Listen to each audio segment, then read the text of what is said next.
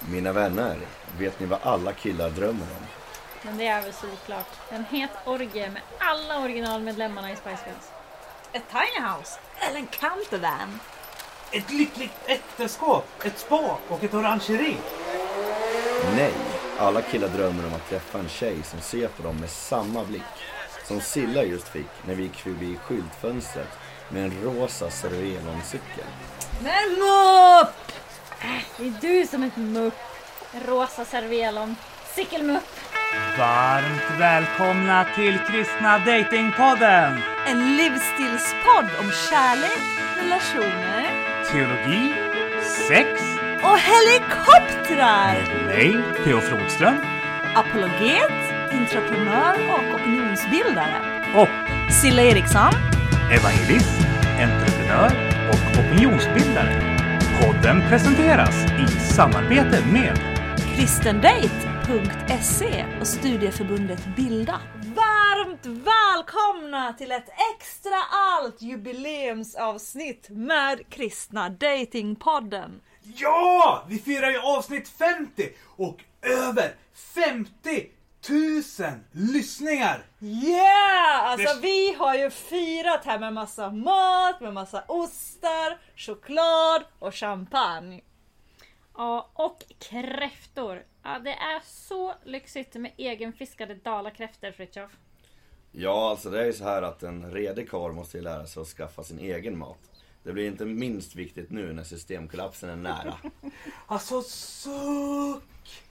Ska du börja nu igen? Sist du höll på sådär så började Silla bunkra vatten och rita upp olika alternativa flyktvägar ut från Östermalm i händelse av krig. Bra det! Det är ruter i Silla. Ja, alltså så här, vi finlandssvenskar är ju inte lika fredsskadade som ni svenskar. Alltså vi tar inte den här freden för givet. Åh, hej och Jag säger som jag alltid brukar säga.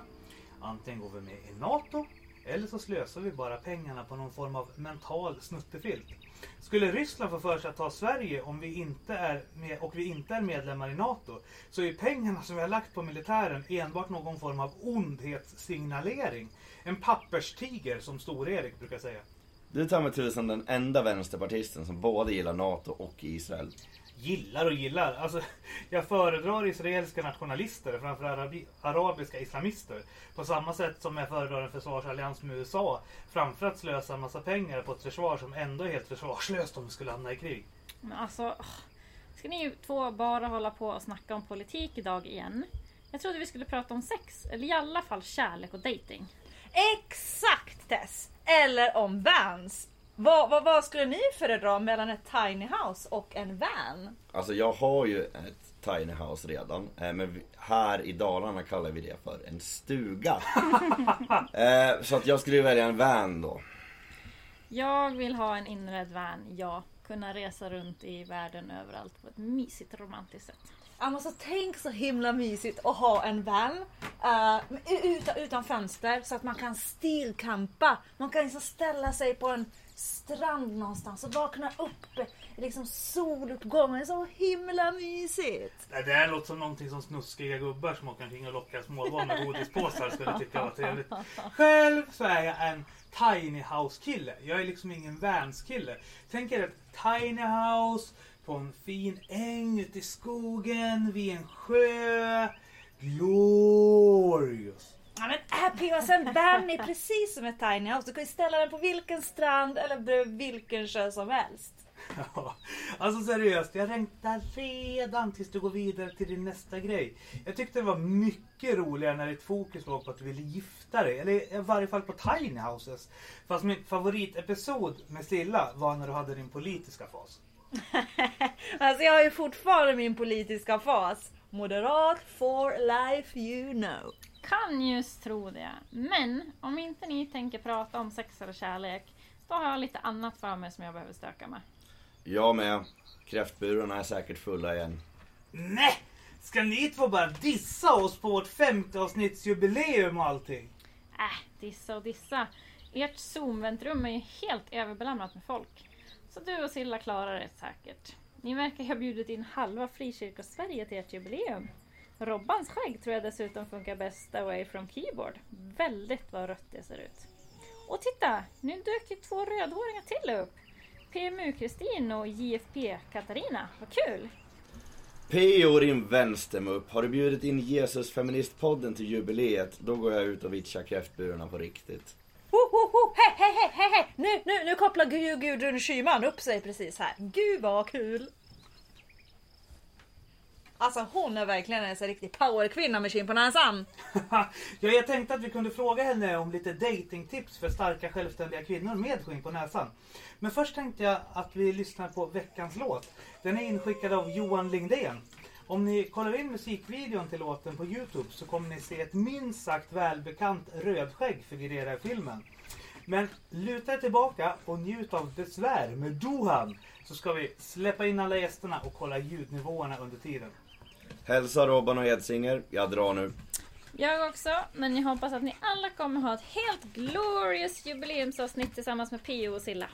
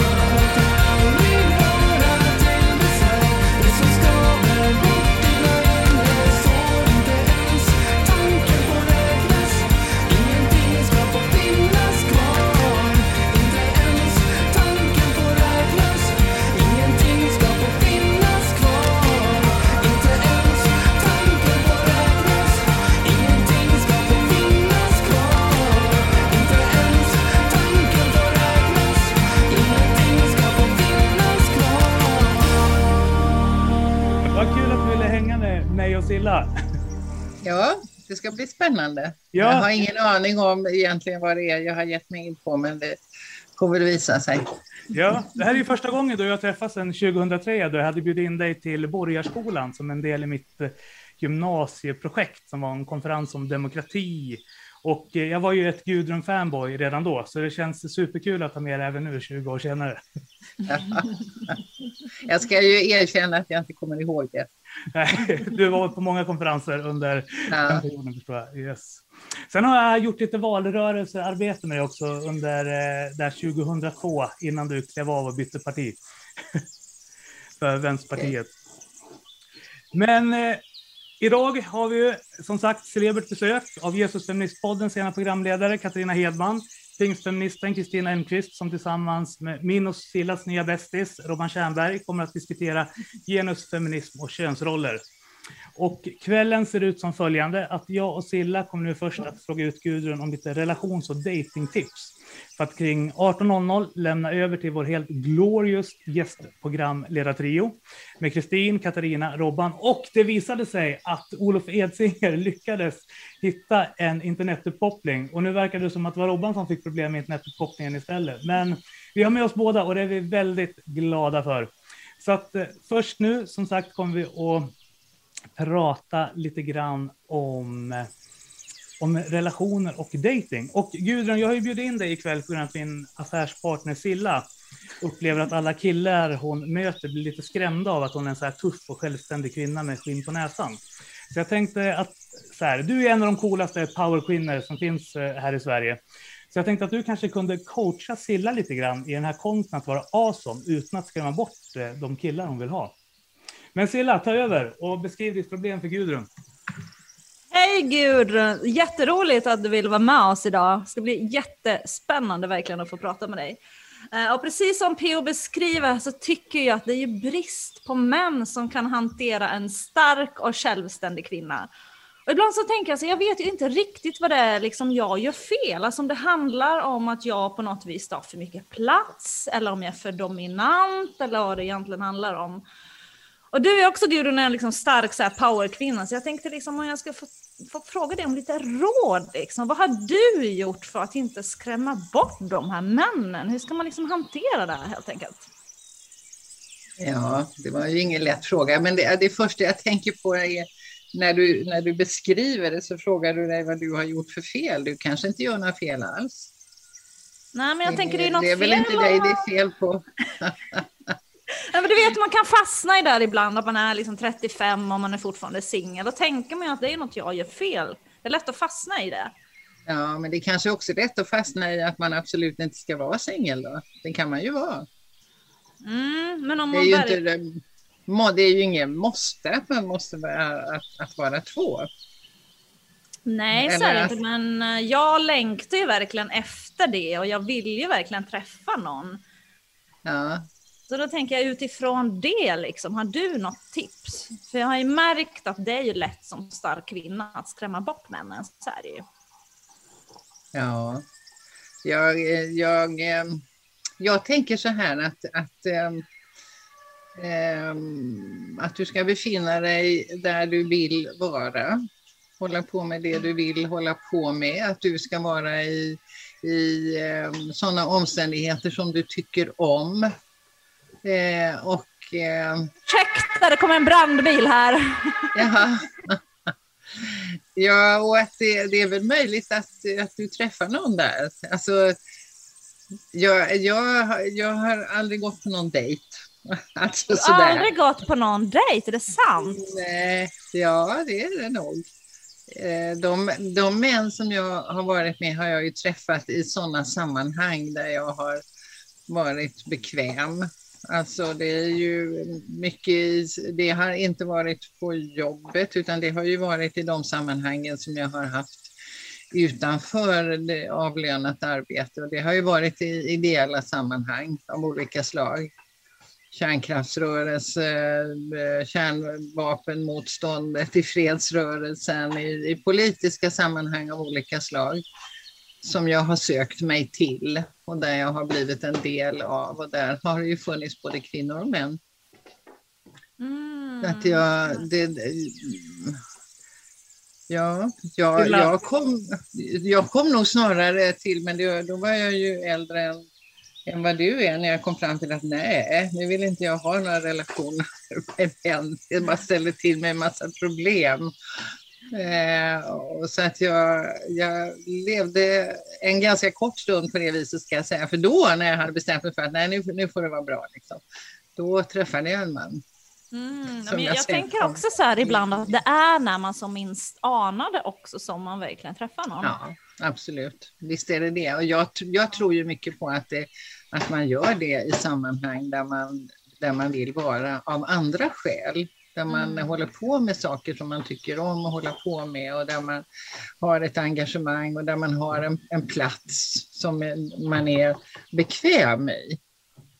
Mm, nej, men det tror jag också när man liksom är i ett sånt sammanhang, när man känner sig trygg och man verkligen älskar det man gör. Alltså det, det, det liksom, man ger ju också ifrån sig någonting väldigt vackert då, när man är på en plats Ja, som man verkligen ja. älskar. Det gör ju Ja. också att man liksom blir väldigt attraktiv. Så, så det, det tror jag ligger väldigt mycket i det du säger. Men det låter inte heller som att du upplever att relationer alltid har varit så enkelt. Nej, jag tycker inte alls att det har varit enkelt. Jag, jag, Vad, vad tycker du har varit den största utmaningen i relationer? Ja, men det är väl att man, eh, i alla fall när man är ganska ung, går in i relationer med en idé om hur det ska vara. Eh, Att det, att det ska vara på vissa sätt och att, att eh, jag själv ska vara på vissa sätt för att få det att fungera. Att man faktiskt tror att det går att ändra på andra människor och att, det, att eh, man ska bygga upp någonting. när Man, man har någon föreställning av att nu ska det vara så här, nu ska det bli på det här sättet. Och, och så. Jag, jag, jag tror att man har mycket att vinna på att vara mer öppen och eh, inte ha så mycket idéer om hur det ska vara utan istället låta det utvecklas till det som det kan vara. Ja, ibland tänker jag också så här att det handlar ju väldigt mycket om själv också, att bli den rätta för någon annan. Det känns ibland som att vi är väldigt, väldigt snabba på att liksom leta efter lösningar och leta efter saker utanför oss själva. Men jag tror ju så här, om man passerat 30-35 strecket och fortfarande inte fått till det, då tror jag att det kan vara så här att problemet kanske inte ligger utanför mig själv, utan att jag faktiskt kanske behöver blicka inåt Mm. att lösningen på problemet kanske helt enkelt är att jag behöver förändras eller jag har någonting i mig själv som jag faktiskt behöver jobba med och ta tag i. Men vad är, det som är, alltså vad är det som är problemet då? Om du skulle försöka beskriva det. Vad är det som är problemet? Jag tror att mitt problem primärt handlar om att jag drar till mig män som är otrygga, som helt enkelt inte är redo för någon relation. Och Så då det- blir frågan liksom varför jag drar till mig den typen av män. ja, varför tror du att du gör det då? Ja, det, det jag har inte hittat något bra svar på den frågan faktiskt. Men jag kan Nej. tänka mig att det kan vara så. För att jag ser ju själv ett mönster av vilken typ av män som jag har dragit till mig genom åren. Och Ja, det är ju de som av olika anledningar inte vill eller det är så, om man inte är redo, det är olika liksom, yttre omständigheter så, som gör att man kanske inte är redo och klar.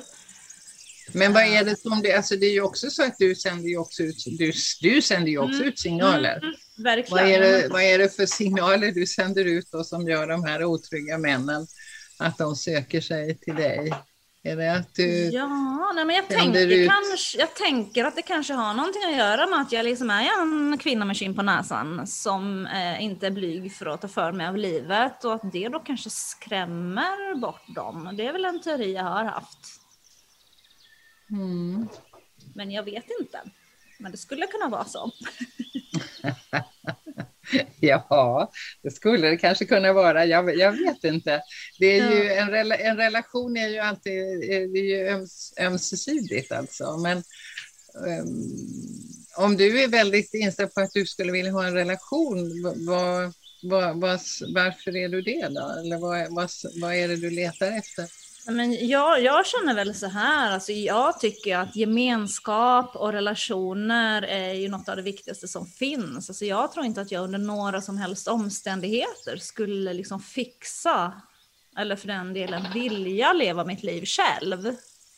För mig är relationer det är något av det viktigaste i livet egentligen. Och att leva Mm. livet själv, nej det är nog ingenting som jag vill.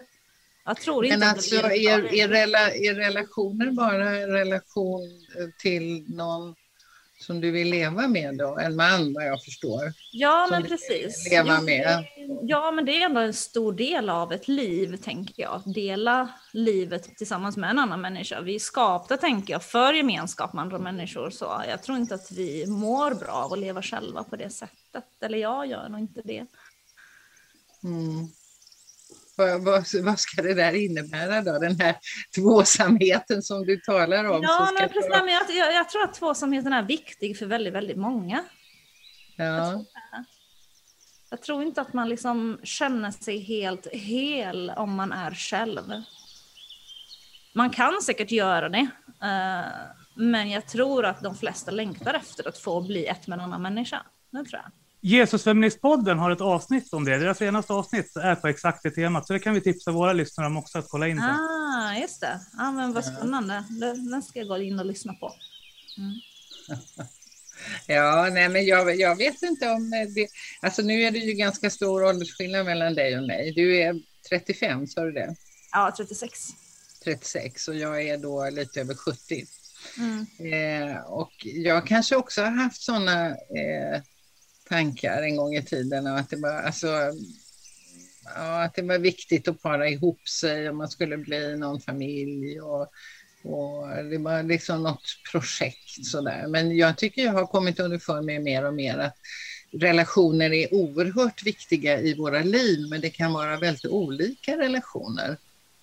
Det, det kan ju vara någon som man lever ett vardagsliv med, men det kan ju också vara relationer med vänner som man har känt i decennier. Det kan vara relationer med människor som man jobbar ihop med, antingen i sitt professionella jobb eller i det ideella arbetet, det politiska arbetet eller förändringsarbete, vad man nu håller på med.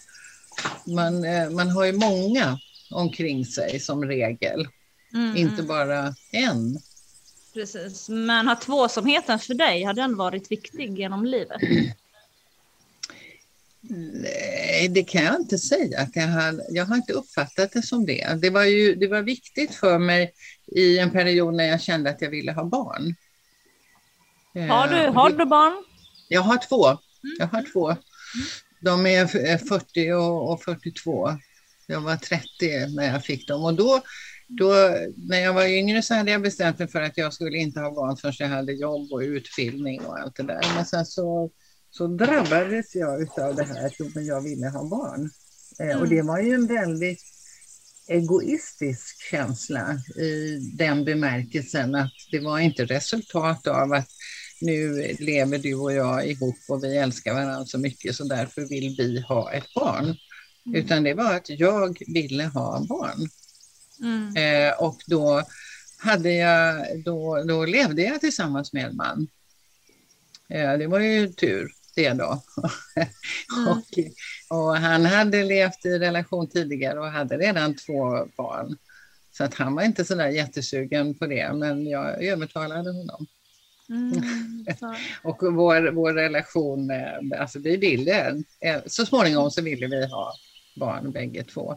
Men det, det, var, inte, det var inte det där att, eh, att jag ville ha barn bara för att jag levde med honom, utan jag ville ha barn. Mm. Mm. Och det var en intressant upptäckt för mig, att det kunde kännas så. För det var ingenting du hade upplevt och du hade velat innan du träffade honom? Nej, Nej. Men det hade inte bara att göra med att jag hade träffat honom alltså, utan det hade att göra med min egen eh, mognad Mm. som människa. Så Mm. uppfattade jag det mycket mer. Sen var det ju tur att han var där. Att han Mm. fanns där. Mm. Eh, på, på den här tiden så var det ju inte alls lika vanligt att man eh, skaffade barn på andra sätt som man kan göra nu mer. Idag är det ju många som skaffar barn som ensamma. Mm. Eh, Men det var ju inte alls eh, vanligt på den tiden. Mm. Nej, men, Men, jag eh, tror- eh, ja, Nej, men- förlåt. säger att det är vanligt att när man liksom så väl träffar någon, man kanske känner, jag känner personligen kanske inte heller så här att jag, jag har aldrig varit särskilt förtjust i barn och det känner jag fortfarande inte trots att jag är 36. Men samtidigt kan man inte heller veta den dagen jag kanske springer på riddaren på vit häst här som rider in i mitt liv och allting känns fantastiskt. Då Mm. kanske jag liksom får den där känslan att ja, men det kanske vi kanske skulle slå till här ändå på, en, eh, på ett litet knyte.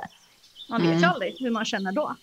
Nej, nej, det vet man inte. Men jag, jag tyckte det var intressant det där. Jag har heller aldrig gillat barn. Jag har inte hört till dem som har stått och gullat över andras barnvagnar och sådär. Utan jag har tänkt att ja, ja, den dagen kommer väl. Mm. Eh, och och det, det gjorde det. Men som sagt var, det hade mer att göra med min egen mognad tyckte jag. Mm. Än det faktum att vi levde i den relationen som vi levde i. Och sen så separerade vi så småningom eh, också. Men, eh, ehm, nej, men jag tänker så här, din, din idé om att du, du så gärna vill träffa någon och då, då ska man, då, du verkar ha ganska bestämda idéer om vad som ska hända då och hur det ska se ut. Och då tänker jag att det ger inte så mycket utrymme Mm. åt människan. Mm. Varken eh, åt dig själv eller den här personen nu som du då kommer att träffa. För att du har liksom redan paketerat det där. Nu väntar du bara på att han ska komma där på den där vita hästen så du kan hova in det där. Liksom. Det, Ja, men alltså jag tror att det är många som är singlar i, i min ålder kanske som är lite grann fast i det där att man har en ganska eh, detaljerad bild av vad det är man vill ha för någonting och man har kanske till och med Ja. listor liksom, hur, hur, hur, vad man vill ha för någonting och kvaliteter och så vidare. Framförallt hur man har tänkt sig allting också. Och det är verkligen att låsa fast sig i någonting för man blir ju Ja. väldigt oflexibel så. så jag tror också det. Jag tror Att det verkligen är, att man behöver öppna upp liksom för att saker och ting Mm. kanske inte kommer bli så här. Det tror jag är väldigt viktigt faktiskt. ja, du får Men har släppa du, det har du... Vad sa du? Släpp, släpp det. Ja, men precis. Släpp det. Jag, Släpp det. det. Släpper det. Ja. Men hur har det varit för dig då? Har du liksom haft, har, har du liksom varit en sån här väldigt öppen person eller har du haft liksom en, någon slags målbild av vad du har velat ha och så har du fått det eller har det blivit helt annorlunda än vad du har tänkt dig? Ja, jag hade nog inte tänkt så mycket. Eh, alltså de, de män som jag har varit med och levt med under äktenskapsliknande former eh, har ju inte varit något som jag har planerat så där och tänkt att jo, men han passar in på det där och det där och det där och det där. Utan Mm. det har varit möten som har, eh, som har, eh, vad ska jag säga, som har blivit en förälskelse eller en passion som, jag har, som eh, har varit känslomässigt väldigt starkt Mm. och sen har övergått till en relation som har varit lite längre. Men jag har haft besvärliga relationer också. Det är inte lätt det här. Det, Nej, det är ju verkligen inte det. Det är ju otroligt utmanande. Det får man ju ja. faktiskt Så Gudrun, jag har en fråga. För du har ju haft eh, tre långa relationer och så. Eh, så vad är ditt bästa råd eller tips till den som väl har träffat den här speciella? Hur får man en relation att hålla länge? Ja, det ska du ju inte fråga mig om, höll jag på att säga, för mina har ju inte varit så länge. Jag har ju varit ganska länge, men, men eh, eh, den relation som jag har levt längst i är den jag lever i nu. Och, och vi träffades för lite drygt 20 år sedan, men var ju då bägge mogna människor eh, med helt olika eh, vardagsliv och så, men det uppstod en, en väldigt eh, stark passion och vi kände att det här måste vi ta reda på vad det är för någonting och det, det är det vi håller på med fortfarande efter 20 år. Men, men när man är i den åldern, alltså jag var ju lite över 50 då, så, eh, så vet man ju ganska väl vem man är. Och, och jag hade mitt liv och gjorde det jag gjorde och han hade sitt liv. Han fick göra större förändringar för han bodde i ett annat land och var gift och sådär. Men, men eh, det, det, finns, det finns en, en eh, vilja till att, eh, att både lyssna och, och kunna liksom levas, Jag lever mitt liv. Jag har inte ändrat så mycket på mitt liv. Eh, och det, det, det går liksom bredvid varandra. Eh, och jag, jag tänker att de här idéerna, tankarna som man kanske har när man är yngre om att, man ska, att det ska bli på ett visst sätt och man ska göra om både sig och den andra så att det passar in i den här idén om hur det ska vara. Det tror jag är väldigt eh, svårt. Alltså då, då blir det inte mycket utrymme för relationen att växa och utvecklas. Det måste finnas en nyfikenhet, det måste finnas en öppenhet, det måste finnas en, eh, ett samtal helt enkelt. Jag tror ju att man mår ganska bra av att då och då fråga sig varför är vi tillsammans då? Varför är vi det? Det, det tror jag, det tycker jag är intressant att fråga sig också efter 20 år. Varför är just vi ihop? Vi skulle ju kunna låta bli. Ja men verkligen, för det är så otroligt lätt annars också tänker jag att börja ta varandra för givet. Och det är ju något av det farligaste som kan hända tänker jag i en relation den dagen man står där och tar Mm. varandra för givet. Mm. Jo, Men jag tror inte man... Ja. Ja, nej, nej, säg du. Nej, men jag tror inte man ska ta eh, varandra för givet. Jag tror inte man ska ta någonting för givet egentligen, utan vara nyfiken på och se hur det kan gå. Men det, det, det viktiga är att man hela tiden har en, ett samtal, att det finns en vilja att lyssna, att det finns en vilja att eh, ifrågasätta hur det är och hur skulle det kunna vara istället och så vidare. Mm. Men det kräver ju så, är det, också, det kräver ju också en viss mått av mognad Mm. att eh, göra det. Mm.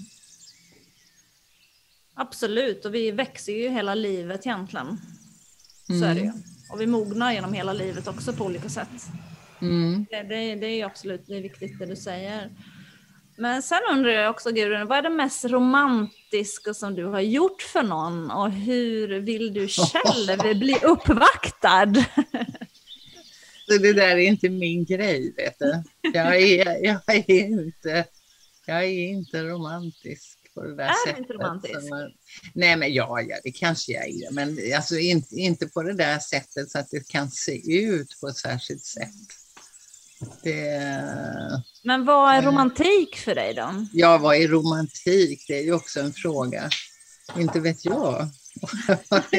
Men det, jag menar, det är den här stunden och klockorna klingar och stråkarna. Det, det finns ju någon föreställning Ja. om eh, vad romantik är. Jag, jag tycker att det som är viktigt är att, att veta i en relation att jag, det här är en människa som jag bryr mig om. Det här är en människa som jag vill väl. Som Mm. jag, eh, oavsett. Alltså att det finns, eh, det finns någonting i en, i en kärlek som är utan reservationer. Som jag måste hitta hos mig. Att det här, det här är en människa som jag, som jag vill väl. Som jag bryr mig om och som, som jag eh, värderar väldigt högt. Oavsett vad jag får tillbaka. Alltså det, jag, jag tycker det, det, det finns ju en tendens i relationer att det blir som någon hushållsbudget fast det handlar om känslor. Om jag gör så här så förväntar jag mig att du gör så här. Och nu har jag gjort så här så mycket så nu tycker jag att det är dags att du gör så där så mycket. Att man ska ha någon balansräkning för att det ska bli liksom så. Och det, det fungerar ju inte. Jag tror det är jätteviktigt att vi kommer bort ifrån det där och att vi litar eh, till vår egen känsla och kärlek. Mm. Det här är, är ju en... Jag förknippade till en början den känslan enbart med den kärleken som jag känner inför mina barn. Att i, för, I föräldraskapet finns det ju en sån här total reservationslös kärlek. Det kommer en ny liten människa och jag, jag bara älskar. För jag vet att det, är- det är det som jag kan göra för att den här människan ska, ska utvecklas. Och, och det gör jag ju även om jag inte får tillbaka någonting så gör jag ju det. Och så, så tycker jag ju att föräldraskapet också fortsätter även när barnen är stora. Men det är den känslan som, jag, som, som är den som är värd att uppnå, tycker jag. Just den här reservationslösa, eh, utan krav på återbetalning, känslan. Mm. Om Och det är, väl det, som, det är väl det som är, tänker jag också, ren kärlek. Den här liksom utgivande, liksom osjälviska kärleken. Ja, det är väl det vi ja. alla egentligen vill hitta. Och det är väl allt, det, är det vi vill uppnå, tänker jag. Det är det som Mm. verkligen är kärlek. Mm. Att ge utan att förvänta sig någonting. Ja, är ja, jag tycker det. Och den, den är också, det är verkligen en gåva den dag man hittar den, för den är inte alltid så lätt. Det är också svårt att hitta den här genuina liksom, Mm. kärleken från en annan människa. Så. Mm. Där är det. Men hur vill du själv bli uppvaktad? Då? Har du några liksom så här, det här gillar jag? Nej, jag har inget sånt. Nej. Nej, jag har inget sånt. Jag har inga sådana där, um, jag på att säga, världs, världsliga eh, situationer. Nej, ja, det, nej, det har jag inte. Men då kanske det börjar bli dags att släppa in kvällens PK-panel som består av som sagt Kristin Elmqvist, Katarina Hedman, Robban Tjernberg och Olof Edsinger. Eh, och Katarina skriver nu i chatten att hon har två frågor som knyter an till det som precis Gudrun och Silla pratar om. Så jag tycker vi börjar med att släppa in Jesus Feministpodden. Varmt välkommen Katarina! Ja, tack. Eh, ja, har, jag, har jag skrivit någonting utan att veta om det? Ja, det stod i chatten. Det var nog jag som skrev faktiskt, men Katarina kan få gå före. Jaha, var det du som... Eh, nej, men då tänker jag att Olof får, eh, eh, får ta det. Då kommer jag in senare. Ja, okej. Olof. Okej, nej men jag blir bara nyfiken Gudrun. Roligt att höra det du delar. Eh, du nämnde två saker som jag tyckte var spännande. Dels det här med barn. Ehm, jag, tänker, jag betraktar dig mycket som, du är en profilerad feminist och har, har ju en lätt feministisk initiativ och sådär. Och det är ju en, en diskussion inom stora delar av feministrörelsen som ska tänka kring det här med barn. Och jag tänker Nina Björk skapade en ganska rejäl skräll för ett antal år sedan och hon lite grann omprövade en del av sina tidigare hållningar kring hur länge barn ska gå på dagis och liknande saker när hon själv fick barn. Um, och jag tänkte Vem också gjorde det sa du? Förlåt, Nina vem? Björk. Ja, ja, Um, okej. Eh, och det hade varit spännande att höra, när du fick barn, var det så att det var någonting där du också började tänka på ett nytt eller annorlunda sätt än du hade gjort tidigare? Hur man prioriterar eller tänker kring moderskapet och Familjestatus? Ja, alltså dels så tyckte jag ju att äh, jag tyckte den här, den här upplevelsen som jag fick av att ge kärlek, att få uppleva kärlek på det sättet, det hade jag aldrig gjort innan. Det, det var, och jag, jag gick omkring och sa så här, varför har ingen berättat om det här? Varför, varför får man bara höra liksom, och skrikiga barn och blöjor och gnäll och sådär? Det är ju det här som är, jag var alldeles hög på det där. Eh, och eh, tyckte hela med förlossning och allting, det var, det var ett fantasteri verkligen. Och det gjorde också att jag fick en annan eh, tidsbild. Det blev en förskjutning i tiden och mitt sätt att se på tiden. För innan dess så hade det liksom varit jag och här och nu och, och den man jag levde med och våra vänner. Alltså så.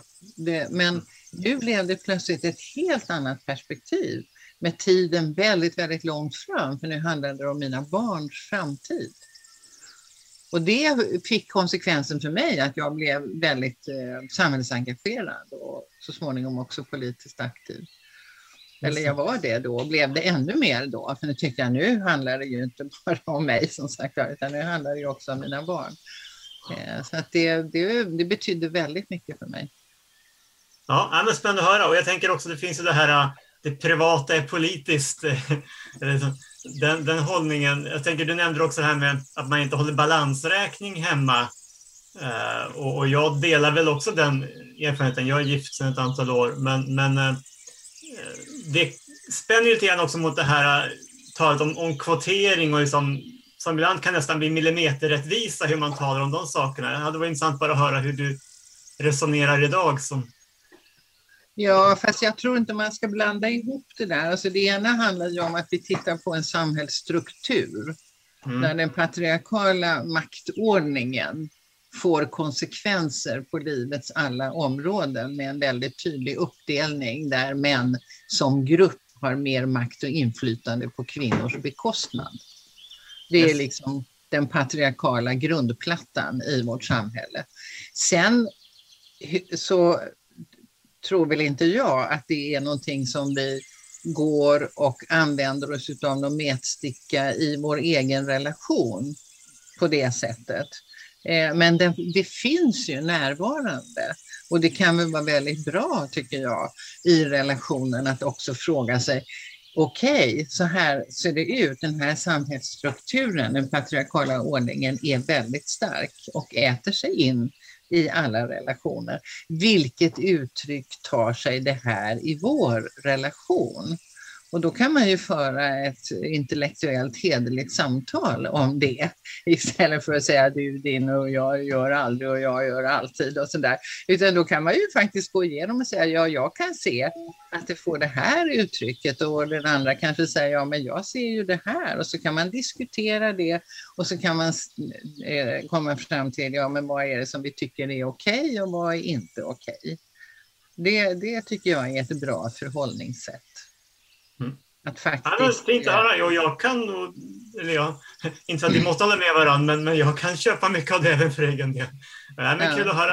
De här, I och med att de här frågorna har varit så heta och ganska omdebatterade. Det finns ju en skala av var man placerar sig i de här frågorna. Mm. Men eh, vi ska släppa in Kristin. Jag tror att Olof säkert har mycket mer att eh, skicka in sen när Silla kommer börja ställa frågor om transdebatten. Men eh, Kristin, scenen är din. Hej Gudrun, vad roligt att få prata med dig. Eh, jag vill eh, lyfta blicken lite grann, för jag jobbar alltså då på PMU till vardags som är en kristen biståndsorganisation. Eh, och därför tyckte jag det skulle vara kul att fråga dig om, om jämställdhet i ett lite mer så här globalt perspektiv. Och det jag tycker man ofta märker i olika kontexter det är att jämställdhetsdiskussioner kan tendera att bli ganska så här polariserande. Att man, man låser fast sig ganska fort i, i olika läger och kanske särskilt om det rör sig om frågor liksom kring så här sexuell och reproduktiv hälsa och rättigheter. Eh, så jag var lite nyfiken på att höra om du har några reflektioner kring hur du tror vi liksom kan minska polarisering eh, gällande jämställdhet och kanske så här Finns det anledning för den feministiska rörelsen att ibland vara lite mer pragmatisk? Eller har det liksom alltid ett egenvärde att liksom köpa hela paketet? Om du förstår hur jag menar. Nej, jag tror att du får vara mer konkret om jag ska kunna svara dig. Vilken, var, vilka situationer är det du tänker på? Eh, nej men jag, jag tänker så här, till exempel eh, så här, frågor som rör så här, abort, hbtq-personers rättigheter är ju väldigt svåra i väldigt många kontexter. Däremot kan det ju kanske vara lättare att prata om frågor som familjeplanering eller kanske sexualundervisning. Eh, och då är ju frågan så här, kan man då liksom lämna vissa frågor kanske inom situationstecken, skjuta dem lite på framtiden om du förstår vad jag menar, för att komma ett steg framåt i någon fråga? Ja, jag kan inte svara dig hur, hur det ser ut i en specifik eh, situation, men, alla, men alltså, de här frågorna hänger ju ihop med varandra. Att, um, rätten till abort är ju en väldigt central del i, Mm. eh, om vi talar om kvinnors rättigheter som mänskliga rättigheter. Mm. Eh, och, och jag tycker att det är väldigt centralt att den frågan lyfts eh, i alla sammanhang. För Mm. den hänger ju också ihop med hur man sen ser på familjeplanering. Vem är det som planerar vad och varför och vem ska bestämma det och så vidare. Så att jag, jag är ju mera för att man, att man ser på helheten för att, och förklarar hur de här frågorna faktiskt hänger ihop. Ja, just det. Tror du att det finns någon så här, jag tänker liksom att det hänger ju samman med makt liksom, och maktstrukturer. Var, var, var, var börjar man? Eller tänker du att man alltid ska prata om en helhet då? Eller, eller var börjar man att, att bryta upp de här maktrelationerna som ofta finns? Ja, alltså jag, det, det, jag har lite svårt att få... Du vill ha ett konkret exempel? Jag tar den konkreta situationen så är det lättare att prata om det. Ja, just det. Ja, det kanske blir lite för, för långrandigt så. Men, men, men håller du med, vad tänker du kring frågan om polariseringen? Alltså, tycker du att det är en polariserad debatt kring, kring jämställdhet om du tänker lite mer globalt? Liksom? Nej, det tycker jag inte. Jag tycker väl att den frågan tvärt emot tappar mark om vi ser det globalt. Om vi tittar på vilken utveckling det är i många länder med allt mer reaktionära regimer och eh, undertryckande av mänskliga rättigheter och ifrågasättande av kvinnoorganisationer och kriminaliserande utav eh, ideellt arbetande organisationer så är det ju en backlash Mm. som vi lever i nu och det är ju bara att beklaga. Eh, och det kan man ju bara, reaktionen måste ju bara vara att jobba vidare. Eh, naturligtvis. Och det, det, det finns ju framgångsrika exempel eh, att, att titta på eh, när det gäller abortfrågan till exempel. Men, men alltså generellt i den politiska utveckling som är nu Mm. Med- och det gäller ju också i Europa där vi har regimer. Ungern är ju ett väldigt eh, tydligt exempel just nu som är uppe där man vill förbjuda hbtq-personer och organisering och, och så vidare. Så att det, där- det där är ju otroligt viktigt att man inte eh, drar sig tillbaka i de här frågorna. Just det. Det Mm. finns ju ett motstånd Mm. eh, och det, det handlar ju, precis som du säger, det handlar ju om makt. Mm. Men, men eh, och det, det kommer ta tid att förändra Mm. och det kommer att gå i, i vågor. Jag brukar säga att det är, det är två steg framåt, ett steg bakåt och så är det två steg framåt, ett steg bakåt. Eh, och så ser det ju ut med de flesta av de här frågorna som rör kvinnors mänskliga rättigheter. Mm. För hundra år sedan så, så eh, nådde vi ju dit fram i Sverige att kvinnor kunde gå och rösta. Inte Mm. alla, men det blev ändå inskrivet och det var ju decenniers kamp Mm. av många kvinnor över klassgränser och över nationsgränser. Mm. Eh, och de, det, det var ju jättelångt arbete. Eh, och hade de sagt efter 15 år att nej, nu ger vi upp det här, det verkar så trögt, det blir så polariserat. Då hade vi inte varit där vi är idag. Mm. Mm. Så det är otroligt viktigt att inte backa. Ja, just det. Oavsett vilken nivå ett land egentligen ligger på då, tänker du? Ja. precis. Att man liksom står fast där. Mm. Mm. Mm. Katarina, du är ju eh, expert på ekonomisk historia, eller det är ditt akademiska ämne så att säga. Så jag vet att du har några spännande Mm. frågor till Gudrun kopplat till din profession. Ja, men jag tänkte faktiskt kanske ta det lite senare, för jag har en, annan fråga som jag tycker är viktigare eh, och mer intressant just nu. Okej, och, som, jag har, som jag har formulerat lite bättre också. Eh, nej men så här är det ju, att för mig då som, som kristen feminist eh, och som kom ganska, blev feminist ganska sent, eh, var ganska, kommer från en ganska konservativ liksom, bakgrund. Ehm, och mitt möte med liksom, den kristna feminismen har liksom, den är ganska liberal och jag har liksom inte riktigt känt mig hemma i det. Eh, och sen så upptäckte jag radikalfeminism och eh, det var stort och bra. Men när man, alltså man, som radikalfeminist i konservativa kristna sammanhang, då är man ju lite av en alien. Det är inte så lätt. Men sen har jag upplevt lite samma sak, att som kristen vara i mer liksom, eh, ska vi säga, radikalfeministiska, marxistisk, feministiska sammanhang, att då är man också eh, lite av en alien eftersom att det finns en väldigt liksom, välformulerad kritik mot, eh, mot religion. Um, och då undrar jag hur du tänker kring det här. Eh, liksom religionens... Eh, jag tänker att feminismen har ju en plats i religionen, absolut. Men så jag är så intresserad av att höra vad du tänker kring religionens plats i feminismen. Eh, Ja, alltså eh, feminister finns det ju överallt. och en del är, är, betecknar sig som religiösa. Eh, Andra gör det inte. Jag, jag, jag tycker att eh, det är svårt att, att likställa det här på något sätt. Alltså religion är ju inte en eh, maktanalys. Problemet är väl att religioner ofta används som verktyg i att utöva makt. Och då patriarkal makt i dess olika former. Eh, och så har det ju sett ut inom samfund och kyrkor och så ser det ju ut fortfarande. Sen har man kommit olika långt i olika eh, länder.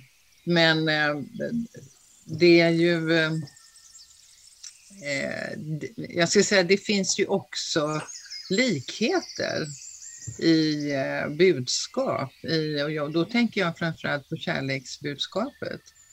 Som för mig är ett centralt budskap inom feminismen. Och som också är det centrala budskapet inom religionen. Och det är ju det som, att se kärleken som en stor förändringskraft är ju det som kan förena oss. Själv så samarbetar jag ju med eh, kyrkan, både den vad ska jag säga, Svenska kyrkan och missionsförbund och eh, katoliker, alltså på olika sätt.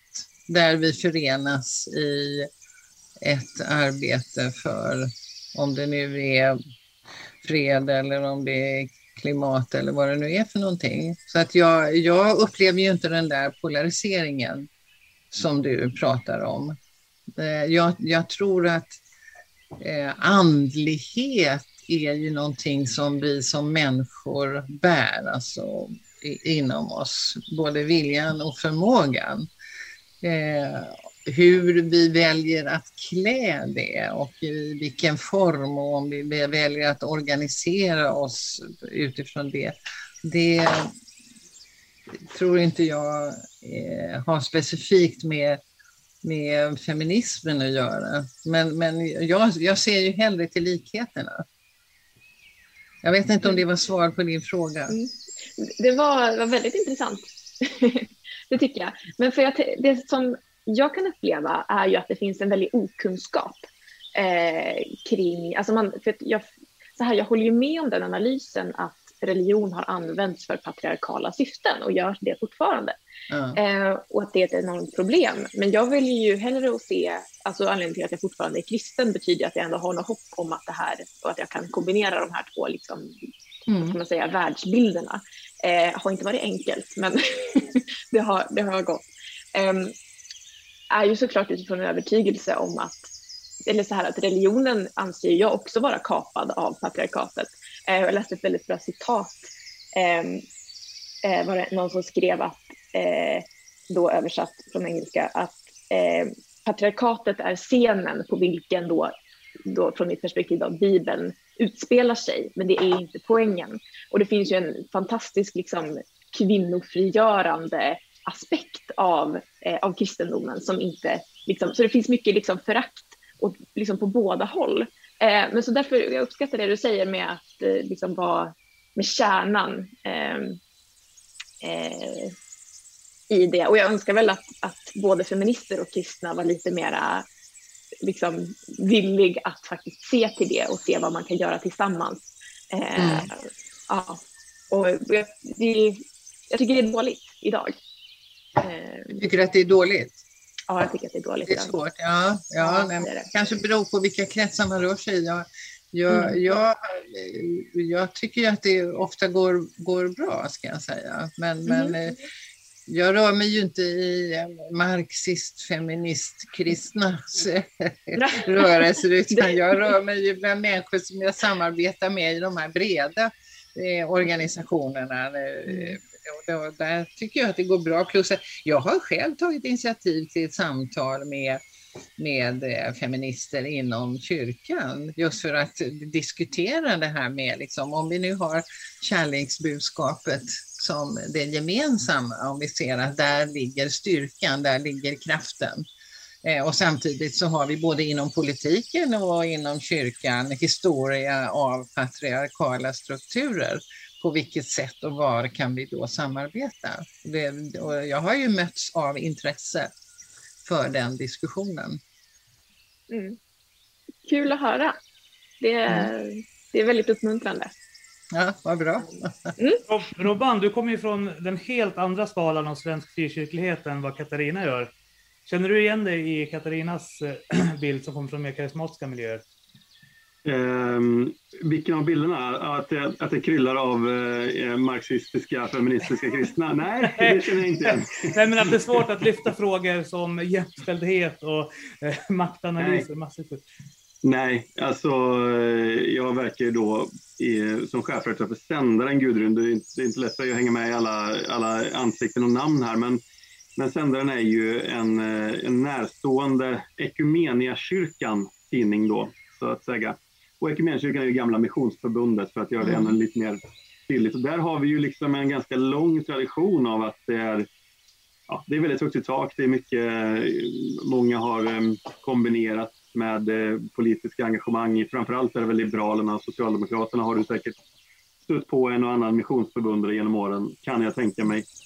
Eh, så att, eh, jag känner inte igen mig i den, eh, att, att det är liksom en superkonservativ miljö, men det är klart att det finns eh, tankar och strukturer som vissa skulle mena är åt det konservativa och till exempel eh, tänker på det här med kärnfamilj och så, det är väl, det är väl liksom en sån, eh, sån sak som är ganska som är en tydlig struktur i, i, i liksom våra, även i våra kyrkliga sammanhang. Och där har ju du varit ett, eh, en, en stark röst, Gudrun, tidigare där med, med det här klassiska död åt familjen-citatet. Nu vet jag inte riktigt vart du står kring det idag, för jag tror att du har fått den frågan tusentals gånger och om, omvärderat och omformulerat. Eh, Det var egentligen inte det jag skulle fråga om, men när vi ändå är inne på det så är det ju lite Ja. spännande för sig.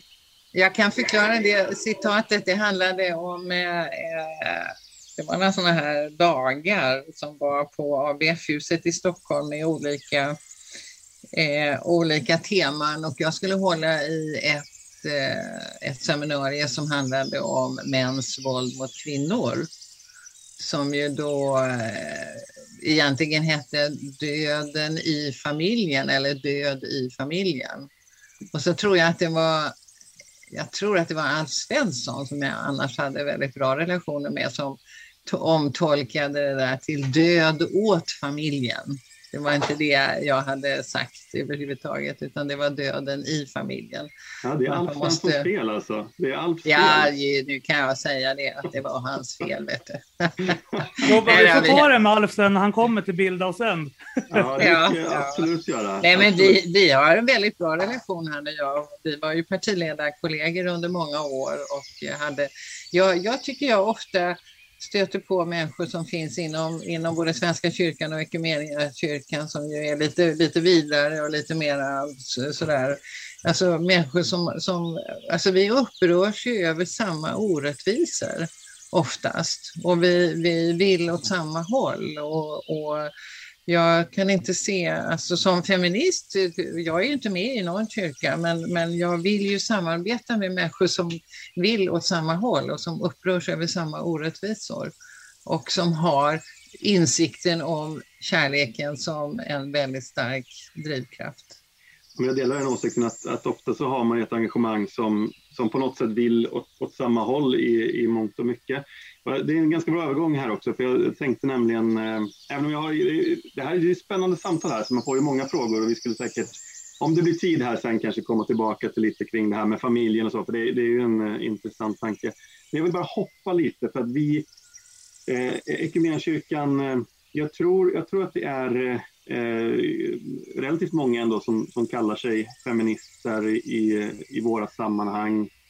Eh, eh, men vi, vi kanske ännu mer eh, kallar oss klimatkämpar i våra sammanhang och vi, vi skriver väldigt mycket om det. Vi har liksom starka rörelser inom vår kyrka kring, kring klimatfrågor och så. Och, och det är egentligen där jag skulle vilja ställa en fråga till dig som, som jag tycker är eh, superspännande och väldigt aktuell nu. Du skrev ju ett, antingen var det ett debattinlägg eller så var det en replik här i höstas kring eh, om Feministiskt initiativ skulle byta namn till Klimatinitiativet, tror jag det var. Eh, och det här är ju jätteintressant. Är det så att ehm, feminismen så att säga, ska ge, bör ge plats för klimatet för tillfället? Eh, att det kommer från dig, det tycker jag liksom är en ganska intressant tanke. Och sen så, eh, innan du svarar på den så vill jag också bara läsa då från partiprogrammet i eh, Feministiskt initiativ där man då skriver att en bred, inkluderande och antirasistisk feminism är svaret på de ekologiska, ekonomiska, sociala och säkerhetspolitiska utmaningarna. För mig framstår det som att här har man ju redan svaret. Behövs det verkligen då mer? Är inte feminismen den, det yttersta svaret då enligt Feministiskt initiativ? Eller är det så att man behöver omvärdera vad feminism egentligen är idag? Det var, många, det var mycket där, men jag, jag tror att du kanske fattade essensen. Ja, det var mycket.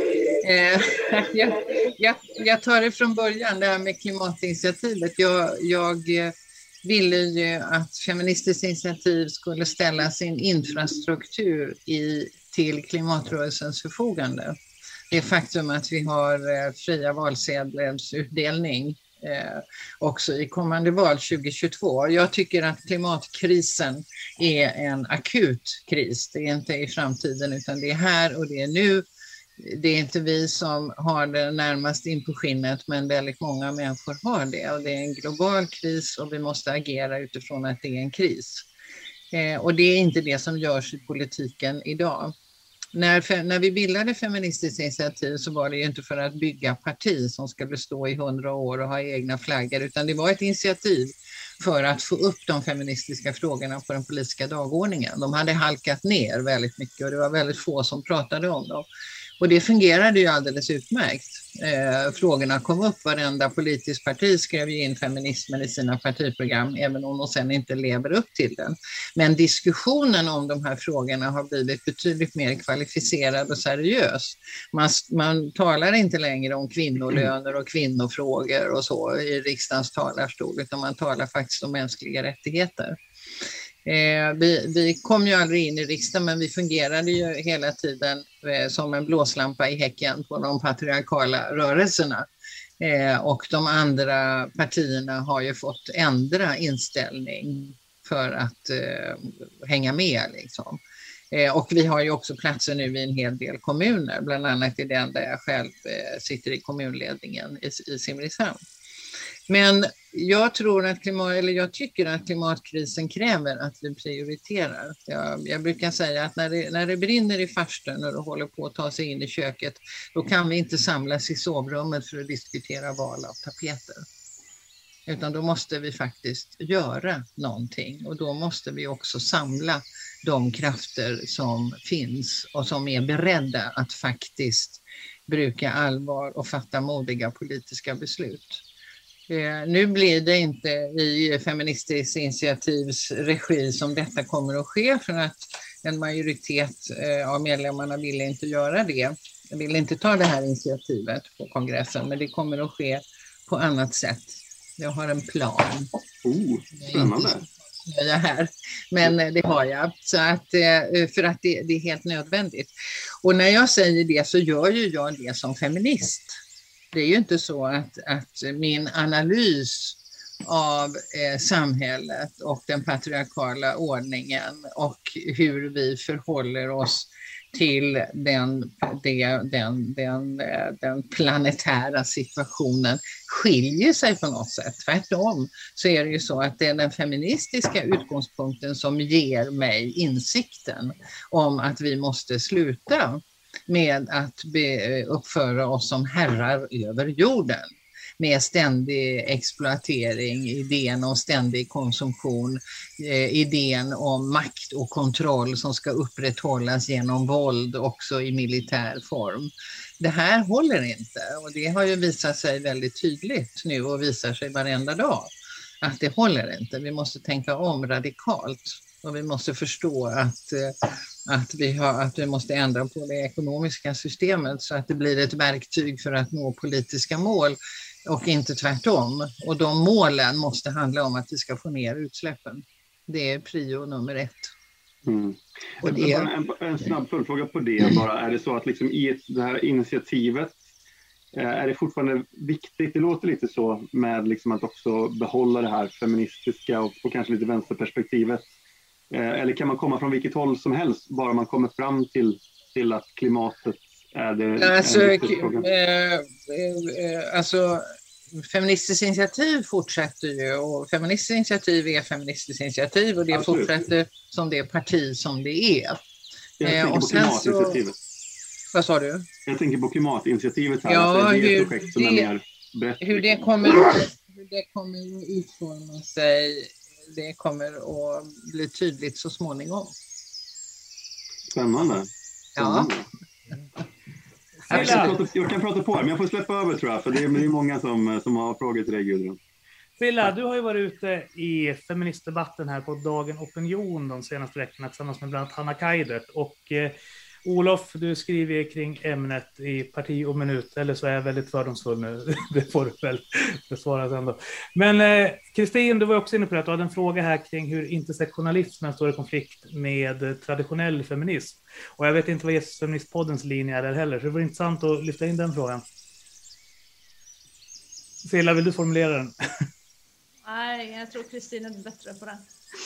Okej, nej men eh, jag kan ju börja så kanske någon mer vill fylla i då, men jag tänker att det vore intressant att höra din, din reflektion kring den debatt som har varit kring feminism och, och liksom trans, eh, transfrågan, om man nu kan säga så. Eh, jag tänker att eh, Kajsa Ekis Ekmans bok har ju varit eh, eh, vad ska man säga, den har ju varit väldigt, väldigt liksom diskuterad och, och kritiserad så från olika håll.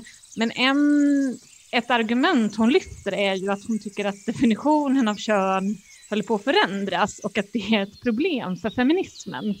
Eh, och jag tänker det skulle vara intressant att höra din analys av den debatten och, och vad du tycker om hennes argumentation. Sen vet jag inte om någon annan vill ställa en följdfråga. Jag ska, jag ska erkänna att jag har inte läst boken.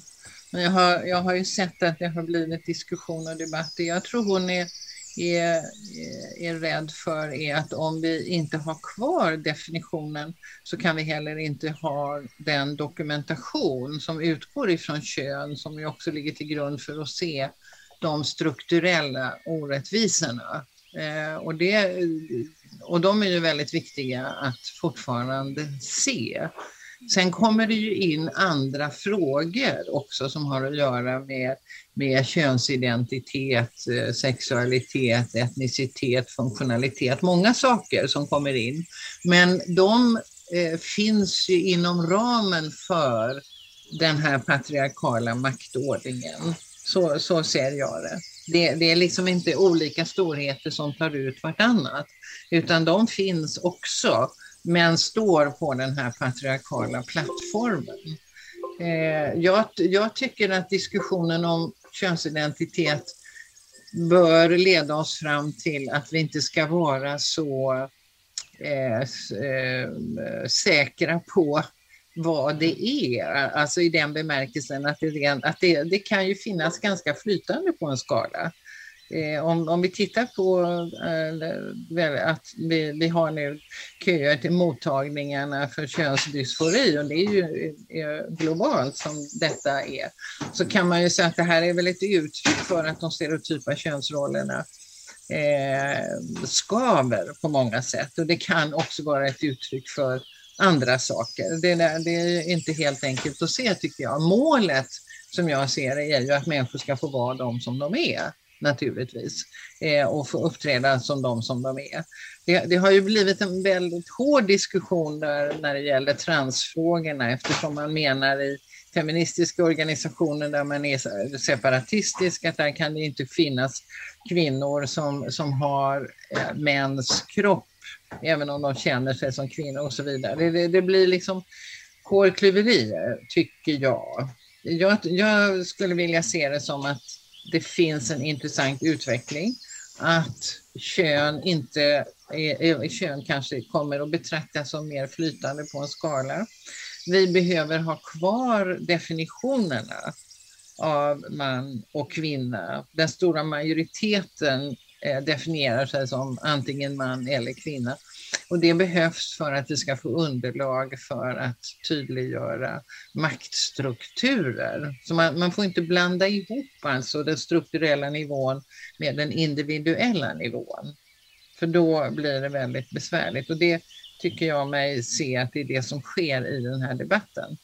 Vi måste värna individens rätt att få definiera sig och få hjälp det, den hjälp som man behöver för att liksom vara den som jag faktiskt vill vara. Men det är någonting annat än hur vi ser på hela samhällsstrukturen. Olof Katarina? Um, Ja, nej, en liten kommentar bara. Sen är det inte helt okomplicerat om vi tänker att vi ska börja liksom eh, involvera transpersoner på alla samhällsarenor. Jag ser det som att det kan bli ganska utmanande. Till exempel om vi tar idrotten. Jag vet inte om du såg Gudrun här att eh, Riksidrottsförbundet eller Friidrottsförbundet har en ny policy där man vill integrera transpersoner. Eh, där man vill tillåta helt enkelt idrotter att kunna välja om man vill tävla i, i dam eller herrklass. Och där tänker jag att det blir väldigt komplicerat där om män plötsligt kan välja att kliva in i damklassen och tävla. Hur, hur tänker du kring det? Liksom? Jag, jag tror inte att det är några problem. Jag tror att det rör sig om ytterst fåtal personer. Och jag, jag tror inte att det här är eh, överhuvudtaget en arena där liksom människor kommer gå runt och plocka och säga nej nu vill jag vara kvinna för de verkar ha bättre där, nej nu vill jag vara man för de verkar ha bättre där. Jag tror alltså problematiken på den individuella nivån är betydligt mer komplicerad och komplex. Och människor behöver och ska få, tycker jag, hjälp för att kunna hitta rätt i detta. Mm, nej, jag, jag är själv gammal idrottare så jag, jag ser en fara i det här. Liksom, om, om jag, så att jag står i en OS-final eller någon större tävling och så står jag och tävlar mot män. Jag ser ju det här som en eh, otrolig utmaning för jag som kvinna kommer jag aldrig kunna hävda mig mot en man. För någonstans måste Nej. vi ändå bejaka att vi som män och kvinnor, vi är fysiologiskt olika. Och Men, det, men alltså, det, nu, nu, nu har jag inte läst Idrottsförbundets eh, uttalande, men jag har ju svårt att tänka mig att det skulle innebära att man väljer fritt. Eh, helt plötsligt så kommer det en kvinna och säger nu ska jag vara med männen, eller vice versa. Utan att det har föregåtts av diskussioner eller att det är en person som är inbegripen i könskorrigering och så vidare och så vidare. Ja men precis, jo, men det är klart att då behöver den ha ingått någon slags, eller genomgått en könskorrigering och liksom identifiera sig som kvinna, så är det ju. Men den personen kommer ju aldrig rent fysiologiskt kunna jämställas med en kvinna, så är det ju. Personen är ju fortfarande född som man och har en, en manlig fysik. Eh, Så det blir inte helt oproblematiskt där, tänker jag. Katarina och Olof, har ni några tankar kring det här ämnet eller vill ni bolla in eh, någon egen fråga? Nej, men om man tar just det här med sporten så problematiken ligger i att även om man har gjort en transition och kanske har fått ner så att säga testosteronnivån då, för det är det man talar om i idrotten, så är det ju som Silla säger att, att man har en fysiologi då som man har byggt upp eh, under pubertet och liknande som ger ett, ett försprång.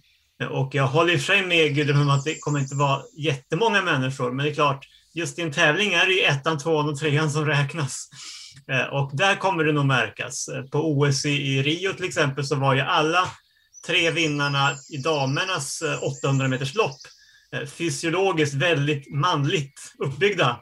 Och någon var ju en transperson och ett par andra hade andra situationer eller till och med diagnoser. Så att eh, det märks i toppen, för det är just där det visar sig väldigt tydligt. Eh, Och det, det tror jag kommer väcka ont blod hos många och, i förlängningen skapa ett större ointresse för damidrotten för att det blir så att säga ingen match längre om, om alla topposter tas av transkvinnor. Men eh, Ja, se. jag, jag, jag förhåller mig skeptisk. Yes. Katarina. Men, och jag frågar en fråga då.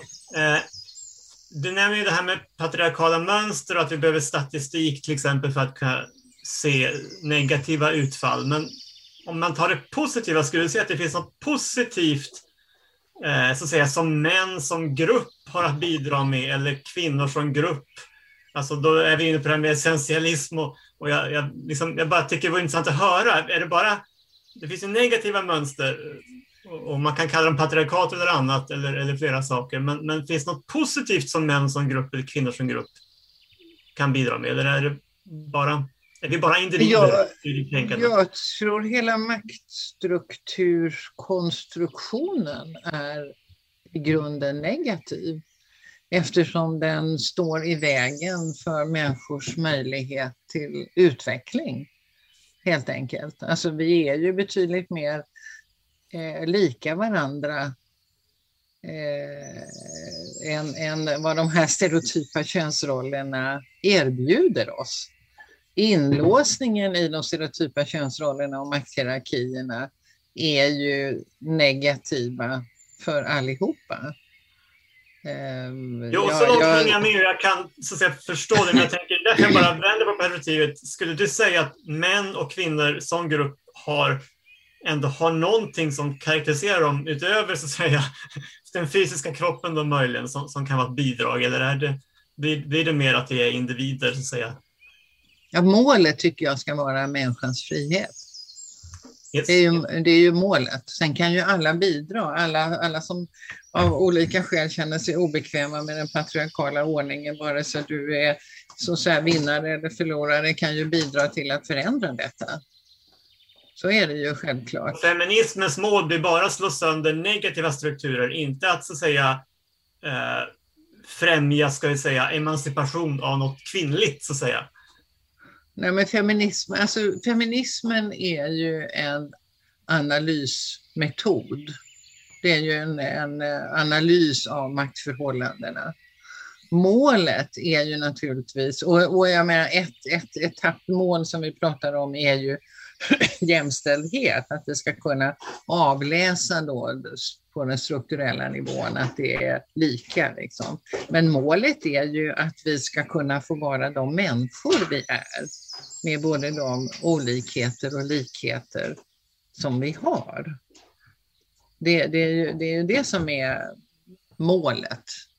Det, Men hur förklarar inte- du då transfenomenet där man ju upplever sig frikopplat från kroppen att vara man eller vara kvinna, men så att säga i, i, i, i sitt sinne så att säga. Ja. För det låter som att det är svårt att få ihop med den, den beskrivning du ser som målbild. Att man ska få vara sig själv. Nej, alltså inte vara sig, jag sig själv, men jag tänker väldigt konkret handlar det om att man är född till exempel som biologisk man, men upplever sig i sinnet vara kvinna. Ja. Eh, vad är det då, så att säga? Ja, det är ju att, det är att vara människa. Men om man bara ska vara människa kan man inte behöva könskorrigering. Nej, men om man upplever att man har blivit bemött på ett sätt som omöjliggör att jag får vara den som jag själv tycker att jag är, Mm. så behöver man ju hjälp med det. Inte sant? Ja, men så jag kan man menar- se det. Ja, så Jag tror det- vissa i transrörelsen skulle dra det lite längre än du gör där, men visst. Ja, nej men alltså det är ju det, alltså de här, de här stereotypa könsrollerna som vi fortfarande har i väldigt hög grad i vårt samhälle är ju, är ju till förfång för våra möjligheter att vara människa med de likheter och olikheter som vi har. Jag, ehm, jag tror att i, i, också i ljuset av klimatkrisen och vad som behöver göras så måste vi också förstå detta, nämligen att vi är, vi är eh, beroende utav varandra. Vi är sårbara som människor och vi behöver förstå det och vi behöver förstå vår plats i hela det planetära systemet och inse vilken liten del vi är i den här helheten. Men hur mycket destruktivt vi åstadkommer. Och i den processen så måste vi ju också se att vi är både lika sårbara och sörjbara oavsett vilka människor vi är. Men Katarina, som socialist så tycker jag om att prata om ekonomi och pengar och jag vet att du har en fråga som touchar an till det ämnet. Precis. Jag vill bara kommentera lite grann på det vi Ja. pratar om nu.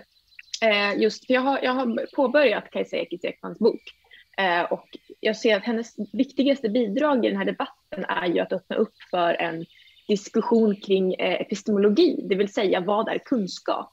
Hur skapar vi kunskap? Är, och, och att det är en, ehm, en del som har liksom hamnat lite på efterkälken. Eh, man har inte haft tid att diskutera vad baserar vi kunskap om människan av, eller på. Eh, och så där skulle jag säga är hennes absolut viktigaste bidrag eh, som jag uppskattar väldigt mycket.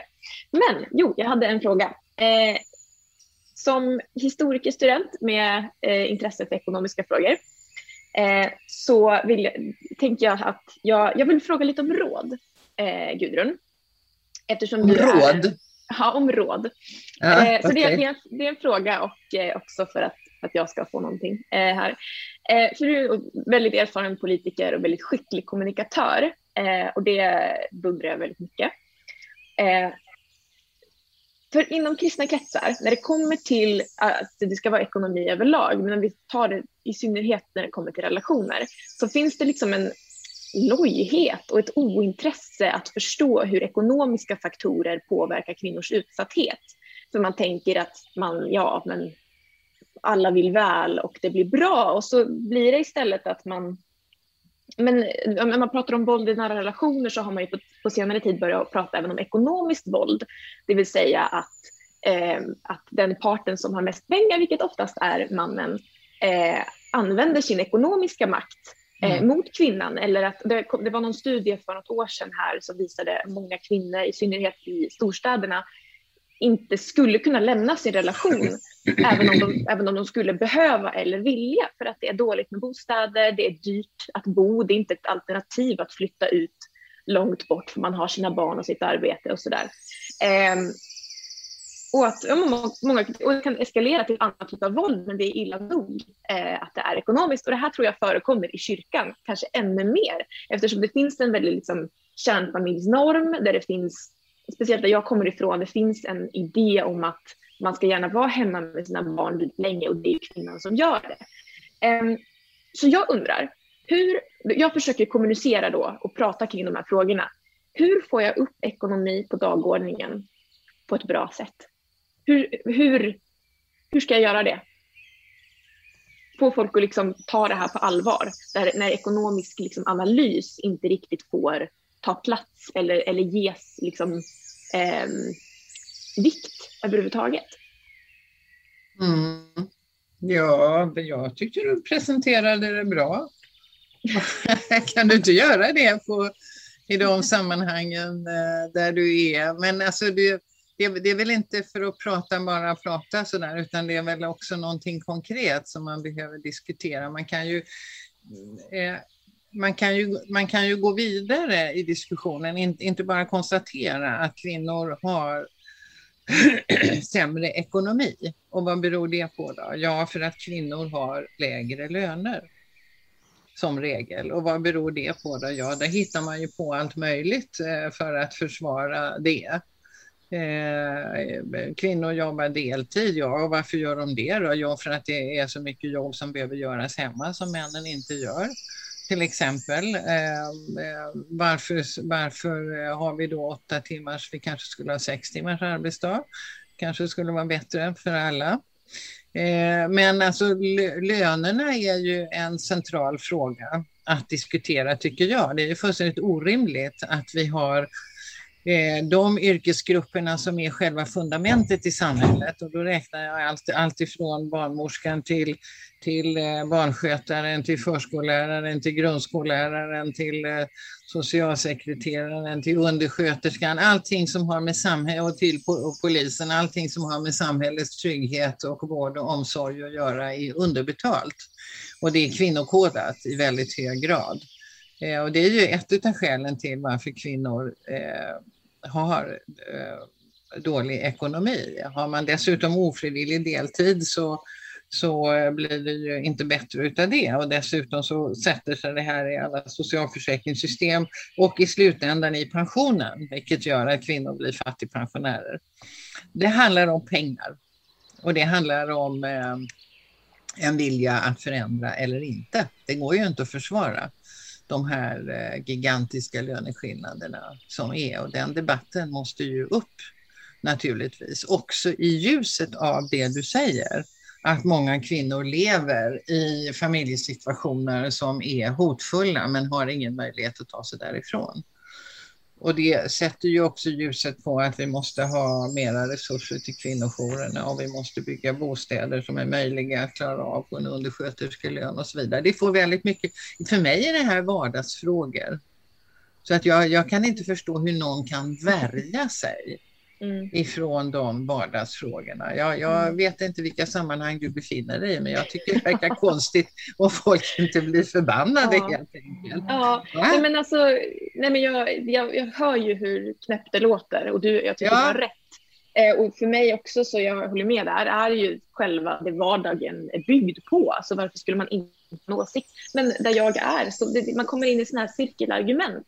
Eh, när jag, liksom mina, eh, mina jämnåriga kompisar som är, som är gift och liksom inne på unge nummer två. Jag är bara 27, Ja. men det är så det ser ut. Eh, de, för dem så blir det, det blir ett sånt cirkelargument. Att om jag frågar, jaha, men, men det, är, det är frun då som är hemma då? Jaha, men varför det? Ja, men för att han tjänar mer. Ja. Så därför är jag hemma, för att han tjänar. Det blir liksom det här, ja men vad händer om, om du Men, då, jobbar? men du, ja. då är, ju, då är ju kunskap bra och då finns det ju jättemycket kunskap och forskning och fakta som talar om att det inte alls lönen som avgör vem som är hemma. Mm. Det handlar inte om lön, det handlar om kön. Har man lika, lika i lön så är det i alla fall kvinnan som är hemma mest. Hemma Mm. mest. Om kvinnan har högre lön så är det i alla fall kvinnan som är hemma mest. Så Mm. det, där, det där är liksom floskler. Det Mm. lönar sig bättre för hon har lägre lön. Det, det, är, för det är floskler alltså. Det, det finns inga fakta. Det Mm. handlar inte om lön, det handlar om kön och det handlar om de här patriarkala föreställningarna som vi har om hur det ska se ut i familjen. Mm. Precis, men sen är det också det här att ehm, när jag liksom eh, ser när mina kompisar har dejtat runt och sådär, jag är singel eh, och eh, kanske ganska nöjd just nu, men, men att det är väldigt osexigt att prata om pengar. Eh, och, och det är det väl överlag när det kommer till att dejta och inleda relationer och sådär, men jag upplever att det är liksom lite extra osexigt just i en kristen relation eftersom att man har den här bilden av som ju är väldigt fin med att man, man, man ger hela sig. Man, ihop med ekonomin och allting och man äger allting tillsammans och man är ett team och man ska leva tillsammans tills man dör. Och det, det är ju inte alltid så det blir. Eh, I ganska många fall så blir det inte så. Ehm, hur... Jag tycker inte alls att man ska resonera så. Jag tycker man ska ha eh, självständig ekonomi. Mm. Jo, men jag, där, är, där är jag med. Ehm, men, det, men det är därför så det blir väldigt svårt att då, om jag så här pratar med mina kompisar, bara, jaha, men har ni pratat om ekonomi? Hur, hur tänker ni kring det här? Vad har, och då är det så här, men det har vi inte riktigt pratat om. Vi tänker att det löser sig. Hur får man ur människor då som är så inne i en kultur där man inte ska prata ekonomi på ett sätt Mm. som frigör kvinnor? Eh, för att det man då istället gör är ju att man, man eh, omedvetet pratar ekonomi på ett sätt som gör livet tryggt för män. Det är det man gör. Mm. Eh, Mm. Hur, hur, hur väcker man upp de här människorna? Eh, Ja, man gör som du gör nu. Ta upp den här frågan. Man, ja, man, man, får, man får skapa lite dålig stämning ibland. Mm. Det är ju det som vi feminister är väldigt bra på. Det, Ja. det, det får du liksom ta på dig. Att eh, det blir lite dålig stämning ibland. Men å andra sidan så kommer man ju framåt i diskussionen. Och det, det, det, det vore ju väldigt bra. Alltså, när vi pratade om relationerna tidigare så så sa jag så här att det är bra i en relation att fråga sig varför, varför, är vi, varför lever vi med varandra? Var, varför gör vi det? Vad vill vi med det? Och då, då, då kan man ju också prata om sådana här saker. Och man, man kan ju prata om liksom det här patriarkala samhället som vi lever i. Vilka konsekvenser får det för oss? Ja, ekonomiskt till exempel. Alltså jag tror mycket på förnufts och faktabaserade samtal vid köksbordet. Fredagsmys. Mys, det gillar Det vi på låter väldigt Sista podden. ja. Ja, men, men, mys gillar vi. ja, men tack, då, då, är, då är jag i alla fall inte ute och cyklar då, enligt dig. Nej, nej, nej, nej. nej. Skönt att veta.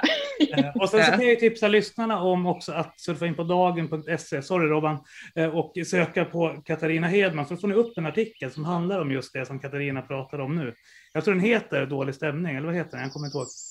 Eh, jag kommer inte, det var inte jag som satt rubriken, så jag kommer inte ihåg vad den, Ja, den men gå in heter. och kolla in det i alla fall, så Mm. kan ni läsa lite mer om hur resonemanget ser ut.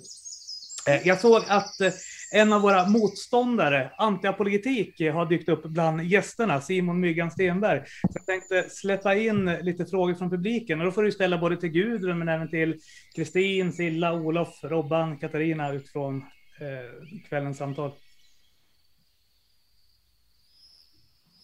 Du menar nu?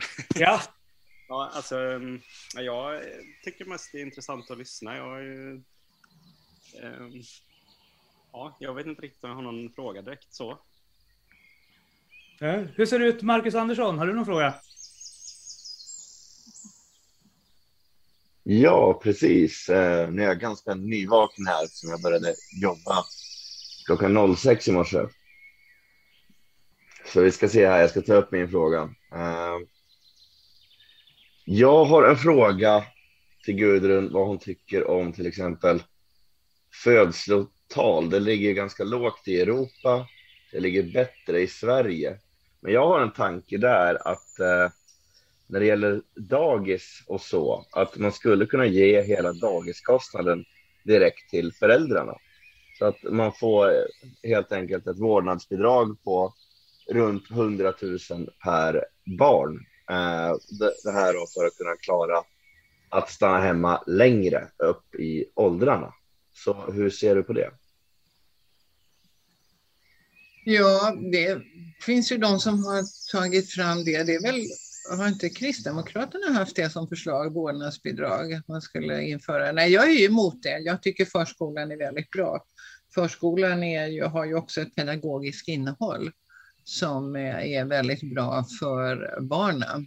Eh, jag tror inte på det här med att eh, man ska få en summa pengar och sen ska man shoppa loss på det man tycker verkar vara bra för sitt eget barn. Utan jag tror väldigt mycket på att förskolan, precis som skolan, ska vara i samhällelig regi och att vi ska ha eh, den bästa kvaliteten där. Och jag tror att det är väldigt bra att barn från olika samhällsgrupper också samlas och ehm, eh, får, får vara där tillsammans med varandra. Jag, jag, jag tror att det skulle bli än mer segregerat samhälle om vi inte hade den eh, kommunala förskolan. Ja. Robban, Olof, Kristin? Eh, ja, det, alltså det finns ju mycket frågor, man, men det känns som att det är, det är spretigt här. Man skulle väl ta en fråga och så gå lite mer in i den, för det tror jag skulle kunna bli ett väldigt intressant samtal. Men, men eh, nu börjar tiden ticka iväg här, så jag tänkte jag skulle bara ställa en, en, en fråga så, som Gudrun kan få liksom spinna iväg på lite. När, när, när om det liksom finns någon sån punkt, är egentligen eh, feminismen i mål? Är det liksom när det är total jämställdhet på alla plan eller liksom, är det när människan själv gör sitt val? Alltså, vad är egentligen målet? Ja, men det var ju det vi pratade om eh, förut. Eh, oj. Ja, då, då får du eh, om, eh, det, tror jag, för det, det, det fattar jag aldrig vad, vad det var i så fall tror jag. Nähä. Nej, men alltså som jag, jag ser det ju som... Alltså vi säger så här, jäm, jämställdhet det har vi när kvinnor och män har lika rättigheter och lika möjligheter. Eh, och, och jämställdhet är ju, är ju ett steg, steg på vägen till ett samhälle där vi har som individer möjlighet att vara de vi är och att utvecklas som vi vill så, så bra som möjligt. Ja, men, Men alltså- jag, jag bara eh, eh, flika in där, för det, det är det tror jag liksom som, som, eh, som jag tycker är svårt att se målet. Alltså jag, nu ska, jag- nu, så, att, så att du ser min position här så är det så att jag tycker att feminismen har gjort oerhört mycket bra. Så att jag är liksom inte en antifeminist här, utan jag, jag tycker att det är, en, det är liksom en... Vi behöver feminismen i, i både svensk och internationell politik på alla sätt och vis. Eh, men, men det jag tycker är ibland är svårt så här att eh, vem är jag att säga? Vi, vi pratar så här, man har lika rättigheter, man har lika möjligheter. Men går det att mäta liksom, vem, när, när, om, om kvinnor gör val på andra sätt än män? Eh, vi säger till exempel om man jobbar deltid eh, mer som kvinna. Är det per se dåligt liksom, att, man, att, att det är liksom pengarna som är det viktiga? Är det makten som är det viktiga eller är det liksom eh, möjligheten att välja som är det viktiga? Hänger du Mm. med Om vi, om vi tar, okej, vi, kan, vi kan ju ta det här med deltid då. För det första så är det ju så att väldigt många kvinnor erbjuds bara deltid fast man vill ha heltid. Det är alltså en ofrivillig deltid. Ja, det, då, då, då, är det ju- då är det liksom Ja. inte, då är det inte blivit rätt så att säga. Nej, men så ser det ut på många ställen, inte minst i kommuner och regioner. Men också inom den privata sektorn. Och då är det framförallt i kvinnodominerade eh, verksamhetsområden. Och då säger man ju till exempel om det är i skobutiken så säger man att ja, men vi kan ju inte ha personal i butiken hela dagen. De, personalen ska ju vara här bara när kunderna kommer. Men så kan du gå över till en sån här teknikaffär Eh, och där är, jobbar det företrädesvis män. Och de har heltid. Och, och då, det måste ju tyda på att då kommer kunderna hela tiden då till just till de affärerna. Och så är det naturligtvis inte. Utan det är skillnad på hur man, hur man eh, delar upp det utifrån om det är kodat manligt eller kodat kvinnligt. Och det är ju ett problem. Sen kan man ju säga, ja, kvinnor gör ju sina val.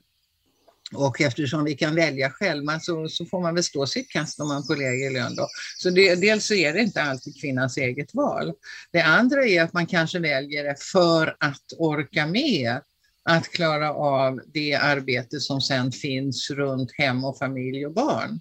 Som kvinnan traditionellt gör för att mannen gör det inte av någon anledning då. Som vi kan ju diskutera. Men eh, det- har ju också visat sig att eh, kvinnors puls går upp när man går ifrån jobbet och mäns puls går ner. För då kopplar man av. Kvinnor kopplar på det som är det obetalda arbetet som handlar om att handla och planera maten och kolla ungarnas läxor och vattna blommorna och ringa till farmor och allt vad det nu är som håller igång liksom familjelivet. Så att det, det, det finns väldigt tydliga könsskillnader hela tiden. Och då kan man säga, ja men då väljer väl kvinnan att göra så. Ja, det är jag inte så säker på. Om det fanns ett annat alternativ som handlade om att vi delade gemensamt på de här uppgifterna. Ja, men det köper jag ju så, men jag tycker ändå det är, lite, det är en annan sak än vad som så att säga är målet. Eh, för, för det jag kan se ibland som, är, som jag eh, liksom, eh, ska man säga, snubblar på i liksom vad som borde vara målet. Jag är ju Ja. väldigt mycket för den, den individuella friheten för människan. Och jag Mm. skulle ju respektera om det är så att liksom kvinnor på gruppnivå det här, det, alltså nu, nu, nu bara teoretiskt där, liksom, eh, är mer för att ha mycket tid. Det är jag ju själv för. Liksom, tid är ju på något sätt vår tids eh, viktigaste valuta. Eh, Ja. Om det då genererar mindre pengar, det behöver ju inte per se vara dåligt. Liksom. Det är mer liksom, Nej, men jag, jag, jag kan säga ett annat. Vi, vi kan ju ta de, de jämställdhetspolitiska målen som Sveriges riksdag i nästan full enighet har beslutat om. Eh, och, de, och de är ju för det första att det ska synas i samhället att kvinnor och män kan ha alla poster och positioner. Det är alltså representationen. Och där Mm. ligger vi ganska långt efter i Sverige med internationella mått mätt, särskilt inom näringslivet. Den andra frågan är att, med, att vi ska ha ekonomisk självständighet i livet och livet ut. Det betyder rättvisa löner och pensioner. Det har vi inte. Det tredje målet är att vi ska dela lika på föräldraransvaret och det obetalda arbetet hemma. Och det gör vi fortfarande inte. Det fjärde målet är att vi ska utrota mäns våld mot kvinnor och det har vi fortfarande inte gjort. Till de här fyra målen så har man nu lagt två nya, för det har visat sig genom undersökningar och så vidare att det skaver. Och det ena är skolan, där så ser man att killar mår, eh, har sämre resultat men mår bättre. Tjejer har bättre resultat men mår sämre. Så nu ska man arbeta för en jämställd skola, en jämställd undervisning. Det är ytterligare ett mål som är lite nyare är att vi ska ha jämställd sjukvård för att det har konstaterats att kvinnor får sämre vård, äldre läkemedel och det tar längre tid för ambulansen och kvinna, eh, att hämta när det gäller en kvinna. Så det här är de jämställdhetspolitiska målen. Vi har inte uppnått dem, det vet vi ju alla. Och eh, ambitionen att arbeta för att uppnå dem är, är ju varierande. Ska jag säga, både mellan partier och över tid. Men vi är långt ifrån där. Men det är ju mätbara mål. Om vi skulle uppnå dem så skulle vi kunna säga att ja, men vi har ett relativt jämställt samhälle. När det gäller representationen så talar man 40-60, att det ska se ut så ungefär. Men det, och det är ju bra om vi kommer dit. Men sen det, det, i förlängningen är ju målet att vi inte ska ha de här stereotypa strukturerna Mm. överhuvudtaget, utan att vi ska kunna leva som de människor vi är med både de likheter och olikheter som vi har och få utvecklas fritt utan de här stereotypa rustningarna som vi då tvingas in i. Ja. Vi ska börja avrunda, för jag har ju lovat Gudrun att inte hålla henne till efter 19.00. Men jag tänkte att innan vi stänger ner så ska vi avsluta med Kristna Datingpoddens paradgren som är kärleksbombning.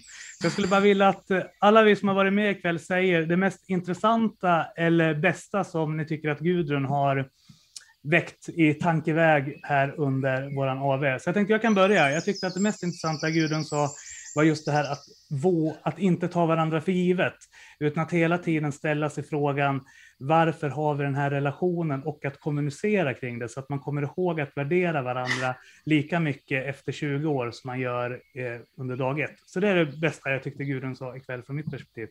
Eh, Robban, vad säger du? Uh, hon sa så mycket bra så det går ju knappt att välja.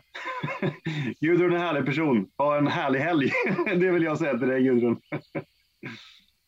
Olof?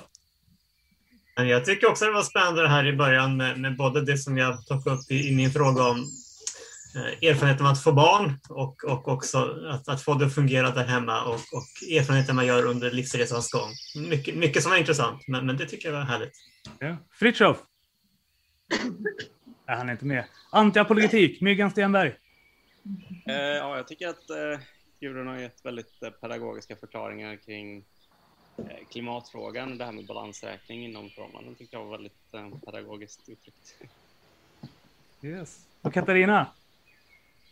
Eh, Jag tycker att det är ett, så mycket bra, men en av de bra grejerna som jag tar med mig härifrån är det du sa om just att samarbeta över olika, eh, alltså olika intresse, liksom, eh, positioner, att man kan hitta det som är den, gemensamma eh, liksom visionen i det eh, och jobba tillsammans, även om man kanske tycker olika om andra saker. Eh, det är väldigt glad att höra det från liksom, sekulär feministisk håll. Och vad säger ni på Övre Östermalm? Känner ni er stärkta till medvetenhet?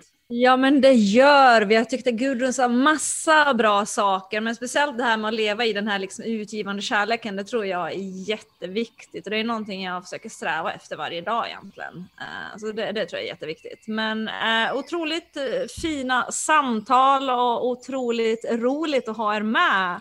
Vet jag inte om Gudrun försvann här redan från oss. Nej, hon är kvar. Nej, Hon är jag kvar. är Jag, kvar. jag, Jag sitter här och lapar i mig. Nej, just det, för jag, får, jag har sett dig Gudrun hela tiden, men så försvann hon. Så jag bara, jag vet inte vad som hände. Men jättetack Gudrun för att du ville vara med oss idag. Verkligen super, super roligt att få ha med dig. Alltså verkligen. Du är en otroligt fin människa på många sätt.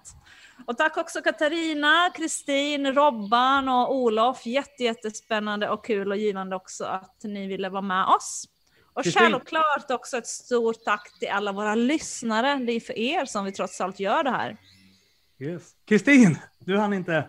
Ja, nej men jag får bara stämma in i hyllningskören och jag tyckte det var väldigt härligt att du tryckte på kärleksbudskapet som en viktig del av feminismen. Det tycker jag inte man alltid ser och hör, så det gillade jag mycket. Yes. Och Olof, du sa att du hade missat en grej. Och, nej, men det finns ju jättemycket att reflektera vidare kring och så det ska vi inte ta, ta tid för i och för sig. Men eh, jag tänker på, jag läste den här boken Är svensken människa? Eh, av Henrik Bergen och Lars Trägård. De talar om statsindividualism och mycket av det vi har talat om här idag står ju i det spänningsfältet mellan det kollektiva och det individuella och individualistiska. Och där skulle man kunna säga väldigt mycket mer om. Och jag tror att det gäller flera av de här frågorna att det är inte alltid antingen eller utan det är lite olika perspektiv som behöver komplettera varandra. Eh, till exempel det ekonomiska perspektivet behöver finnas, men, men det finns också andra värden i livet som är legitima. Eh, och balansgången där skulle man kunna säga mycket mer om. Men, men jag tycker vi fick, fick upp många saker på bordet genom det här samtalet. Ja, och vill ni diskutera det vidare med Olof så anmäl er till akademin Bilda och Sänd som jag, Silla och Robban drar igång här till hösten tillsammans med tidningen Sändaren och studieförbundet Bilda. Men med det så vill jag och Silla säga som sagt hjärtligt tack för allas medverkan här ikväll. Vi är jätteglada verkligen över att ni ville vara med och hänga med oss. Både ni som var med här i panelen, men självklart också alla ni i publiken. Så Silla, vill du avsluta med att hälsa lyssnarna? Ja, ja, men precis. Vi avslutar väl som vi brukar då. Ja. Genom att önska alla våra kära lyssnare en stor puss, Puss och kram!